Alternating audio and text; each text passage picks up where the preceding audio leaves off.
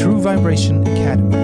Livscoacherna som i varje avsnitt ger dig handfasta verktyg för ett enklare och roligare liv. Det är Afso, läkaren som kastade ut FASS och bejakade sin inre Oscar, rockmusikern som blev frälst. Och Emma, författaren som gick in i väggen och ut i en annan dimension. Vår övertygelse är att allt annat än kärlek och välkomna till detta avsnitt som vi återigen spelar in i skärgården.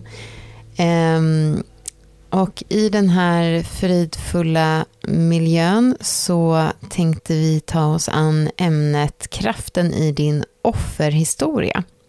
Och vi ehm, hävdar att vi alla sitter på en offerhistoria. Det handlar bara om hur medvetna vi är om hur den låter. Oskar, vill du berätta vad, vad det är för någonting? Absolut. Emma har ju pratat om känsloregistret. Där vi har liksom mer högvibrerande känslor och så har vi mer lågvibrerande känslor. Och någonstans där på botten, där har vi alla som en, om jag får kalla det instinkt då kanske, eh, att eh, gå till en offerhistoria. Det går liksom ut på att förskjuta problemet ifrån oss själva och till någon typ av förövare. Eller att se till att problemet ägs av min omvärld och inte av mig. Vilket är en ganska rimlig, eh, på ett sätt, reaktion. Därför att det, det är jobbigt att bekämpa sig själv. Det är lättare att bekämpa en fiende. Det, man kan ju säga att det är så, det är så outhärdligt att, att vara så lågt nere. Så att därför vill man gärna skjuta ut ansvaret för situationen på någon eller något annat. Man kan se det som att man har två varianter på offerhistoria på något sätt. Eh, och det ena är liksom de offerhistorier som dyker upp i min vardag. Som att eh, det är alltid jag som måste ta det här jobbet. Eller ehm, det är alltid jag som får skit när någonting händer, eller vad det nu kan vara. Vad är din offerhistoria, Oskar? För vi besitter ju Ja. alla, alla har en offerhistoria. När vi är så där lågt nere, då Mm. dyker det alltid upp en liten röst som Min- berättar den här historien. Just det, min, min vardagsofferhistoria, den hör ju mycket väl ihop med eh, det här som vi pratade om i skamavsnittet, att jag, väl, jag har liksom valt en passiv roll i hemmet. Då blir min vardagsofferhistoria lite som en följd av det, att hur jag än försöker, hur jag än kämpar och sliter, så blir det ändå alltid fel. Mm. Det är liksom... nu må- måste jag faktiskt få dunka mig själv i ryggen och säga att jag, jag går inte dit längre. Men, eh, men det, det är dit jag har gått i mitt vuxna liv väldigt många gånger. Ja, men, men det är inte helt sant, utan du går inte dit, du, du kommer dit, men du ser att det är din offerhistoria Ja, precis. och väljer en annan. Ja. För att vi har ju alltid, hur mycket ja, vi än precis. jobbar med oss att Jag själva. går dit, men jag, jag går inte in där. Precis, liksom. Utan då du, du ser jag. att den inte är sann på en gång. Ja, den det är roligt, upp. det här, och det, vi ska gå in på det mer när vi pratar om verktyg så här, men det är, här, det är roligt när man, när man har liksom jobbat med det här, för då hör man ju sina tankar. Mm. Och bara, ah, okej, nu, nu är offerhistoria spännande. Liksom, nu kom den upp. Och då vet man, okej, men nu är det nu jag måste tänka om. Och då måste man, oftast när man får höra den, min offerhistoria är ganska lik din, Mhm. att eh, det är jag som måste ta ansvar här, för det är ingen annan som Just gör det. det. Mm. Eh, det hänger alltid på mig. Eh, och om inte jag gör det, då blir det inte gjort. Eh, det är en av offerhistorierna. Jag har, jag har säkert flera, jag måste få fnula en liten stund. Men, eh, men den finns ju alltid där. Och det är som du säger, Oskar, när, när man kommer så lågt ner i energi, då kan man höra den börja spelas upp så här, blub, som en liten trudelutt i huvudet. Den säger ju typ samma saker. Den har liksom inte så många olika formuleringar. Nej, och det är därför man kan känna igen den efter ett tag. För det är ju exakt samma, liksom, here we go again. Ehm, men då kan man ju veta att eh, jag befinner mig jättelågt energimässigt just nu. Mm. Och jag, eh, det bästa jag kan göra det är inte att agera på den här offerhistorien, utan att det är att försöka höja min energi. Ja. För kan jag höja min energi, då stiger jag i känsloregistret och då eh, kommer jag ur det stressläge jag befinner mig i. För hjärnan är ju i stresssystemet då. Mm. Och kan du komma ur det och komma över i lugnsystemet, då kommer du att eh, få tillbaka eh, empatin och eh, din konstruktiva förmåga. Så även om du kanske känner att det hänger bara på mig, då kanske du kan uttrycka det på ett konstruktivt sätt till din partner eller din arbetskollega. Um, ja, och man kan ju också, jag tänker att det är där man, när man har kommit upp en bit, så man kan välja att ta ansvar istället. ja. Jag är inte ett offer, jaha, om det här alltid händer mig, så varför skapar jag det hela tiden då? Mm. Och det är ju det, det har ju liksom en av de grundläggande sakerna vi har lärt oss, tänker jag, att, att allting är, det handlar inte om mitt fel, eh, det handlar aldrig om eh, liksom skuld, eh, utan, men det handlar all, alltid om ansvar. Jag kan ta ansvar för alla delar i mitt liv. Så för mig är det sådär, när, om jag blir riktigt låg, liksom, då brukar jag ofta ta en promenad. Och då vet jag att liksom första 20 minuterna av min promenad, då måste jag få tugga min, offer, offer, offer, min offerhistoria Mm. ett tag. Också för att faktiskt den behöver få bli hörd. Liksom. Precis Mm. som när våra barn ballar ur. Så liksom, jag, kan inte jag kan inte hyscha dem direkt, utan de måste få först leva ut sin liksom, frustration. Men sen vet jag hela tiden att ja, nu liksom, innan den här promenaden är slut så måste jag komma till att jag tar ansvar istället. Måste komma till min, den verklighet som jag väljer, där jag Ja, inte är ett offer.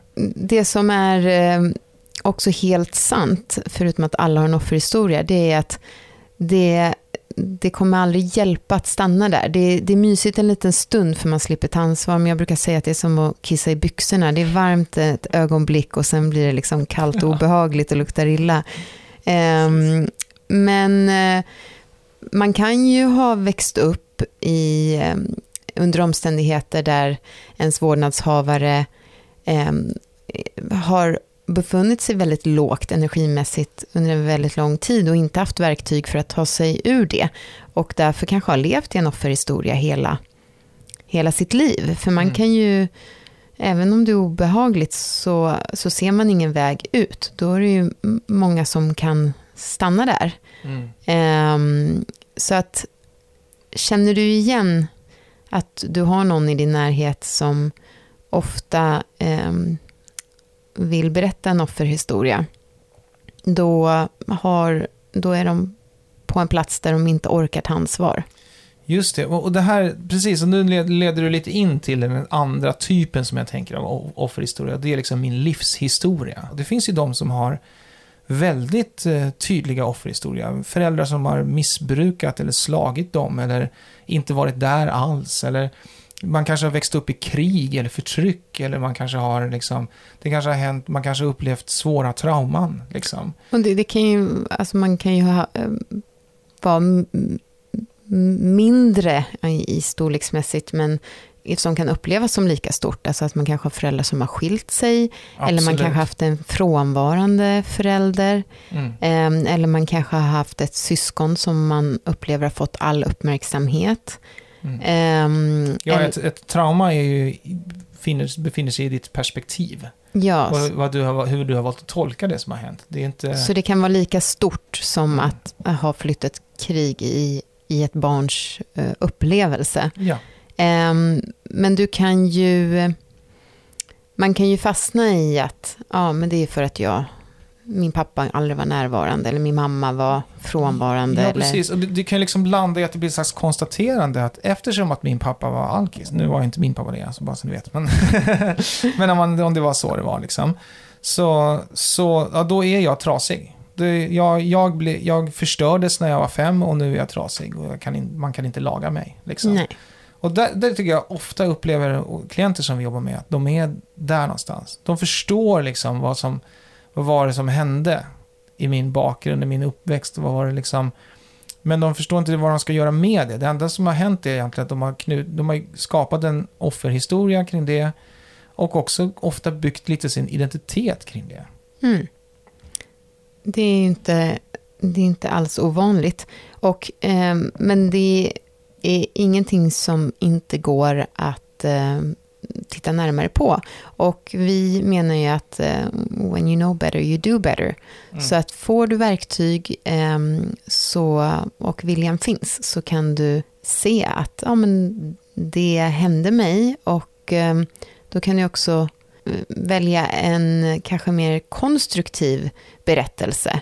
Ehm, det finns, det finns några som har haft ehm, liksom, överlevar um, historia. Mm. Om att um, man kan aldrig stanna, man måste bara kämpa på. Och därför så... Därför har jag blivit sån jag är och därför kan jag inte och där kan det ju... Vila. Där, där kan det också hända att man, liksom, att man knyter sin identitet lite kring offerhistorien. Kanske att man faktiskt... Eh, att en del av en så att säga trivs i att eh, jag är en överlevare, jag är en krigare, jag är en kämpe. Men då, då ska man vara uppmärksam på att det betyder alltså att då väljer du att vara i krig och vara i överlevarmode och kämpa i, i, i, även fortsättningsvis i ditt liv. Så att ett, ett tips för ett, för ett långt och friskt liv ähm, är kanske att få syn på sin offerhistoria. Mm. Och ähm, bli uppmärksam på den. Bara mm. få syn på hur, hur låter den överhuvudtaget.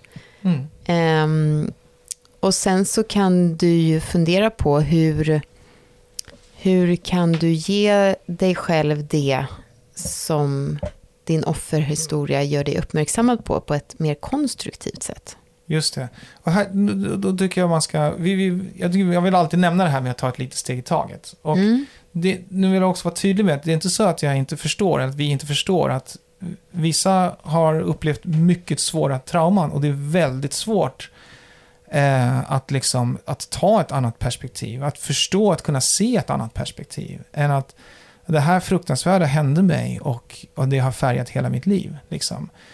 Eh, jag tycker att ett, ett, fint sätt att formulera det här på, som jag, jag tror, att det var vår kära kollega Mandy Morris som, som sa, första gången jag hörde det i alla fall, att så här, gör dig själv till huvudpersonen i din historia. Om det är när vi pratar livshistoria, liksom. Att det, det handlar inte om att det, inte, att det är inte är sant att det hände, men däremot att liksom, hur kan du hur kan du få skriva om historien så att den handlar om dig? Den inte handlar om alla andra. Den handlar inte om någon annan som gjorde någonting åt dig och du, att du är som lera som bara formats av andra människors dåliga beteenden. Liksom. Utan någonstans där är ju du. Det finns dina tolkningar av verkligheten. Det finns de programmeringar som du undermedvetet valde att skapa eh, utefter det som hände här. Och lär du dig att se att det är du som är huvudpersonen och att oavsett vad som har hänt dig så är det relevanta är inte det de gjorde eller det som hände, utan det relevanta är vad som hände i dig och hur du, vad du gjorde med, eh, vad du valde för överlevnadsstrategi genom allt det här. Och ge dig själv oerhört mycket tacksamhet och kärlek och respekt för att du tog dig igenom det du har tagit dig igenom. Eh, och, och, men sen så kan du kanske komma till till slut att du kan säga men nu är jag inte i den verkligheten längre. Kriget är slut. Eller jag har flytt. Jag bor i Sverige kanske. Eh, eller liksom, mamma och pappa, jag bor inte med dem längre. Vad, vad den är så är det förmodligen inte en verklighet du befinner dig i just nu. Och någonstans kan det komma till att det är liksom fantastiskt att du skapade den här överlevnadsstrategin. Men du kan nu lägga den ifrån dig. Mm. Men jag vill vara, vara, tydlig med att det är ett jättestort jobb. Du kan ju börja med de vardagsofferhistorierna. Ja. Och bara kunna syna dem. Liksom som alltid, den här offerhistorien är ju min verklighet som jag befinner mig i när jag inte har tillgång till mina högre hjärnfunktioner. Mm. Så att den, den verkligheten kan ju absolut eh, ifrågasättas när man kommer eh, till lite högre upp i känsloregistret. Mm. Eh, men man kan vara ganska säker på att man kan växa om man får syn på sin offerhistoria. Mm, mm. Eh, vad, vad, är det som jag inte vågar ta ansvar för just, just nu? Ja, vad är det som är så läskigt? Mm. eh, att jag inte vågar ta ansvar för det just nu.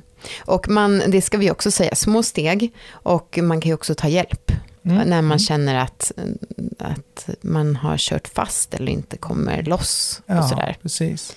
Och alltså, vi, har, vi har jobbat med och vi har liksom kollegor som har upplevt i stort sett alla typer av trauman. Liksom.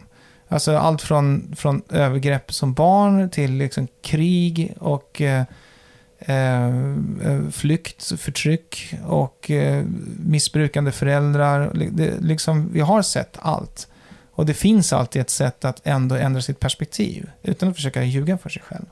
Ja, och jag skulle eh, vilja vara så flummig kanske, som att säga att vi, vi föds eh, inte trasiga, utan vi, vi föds hela.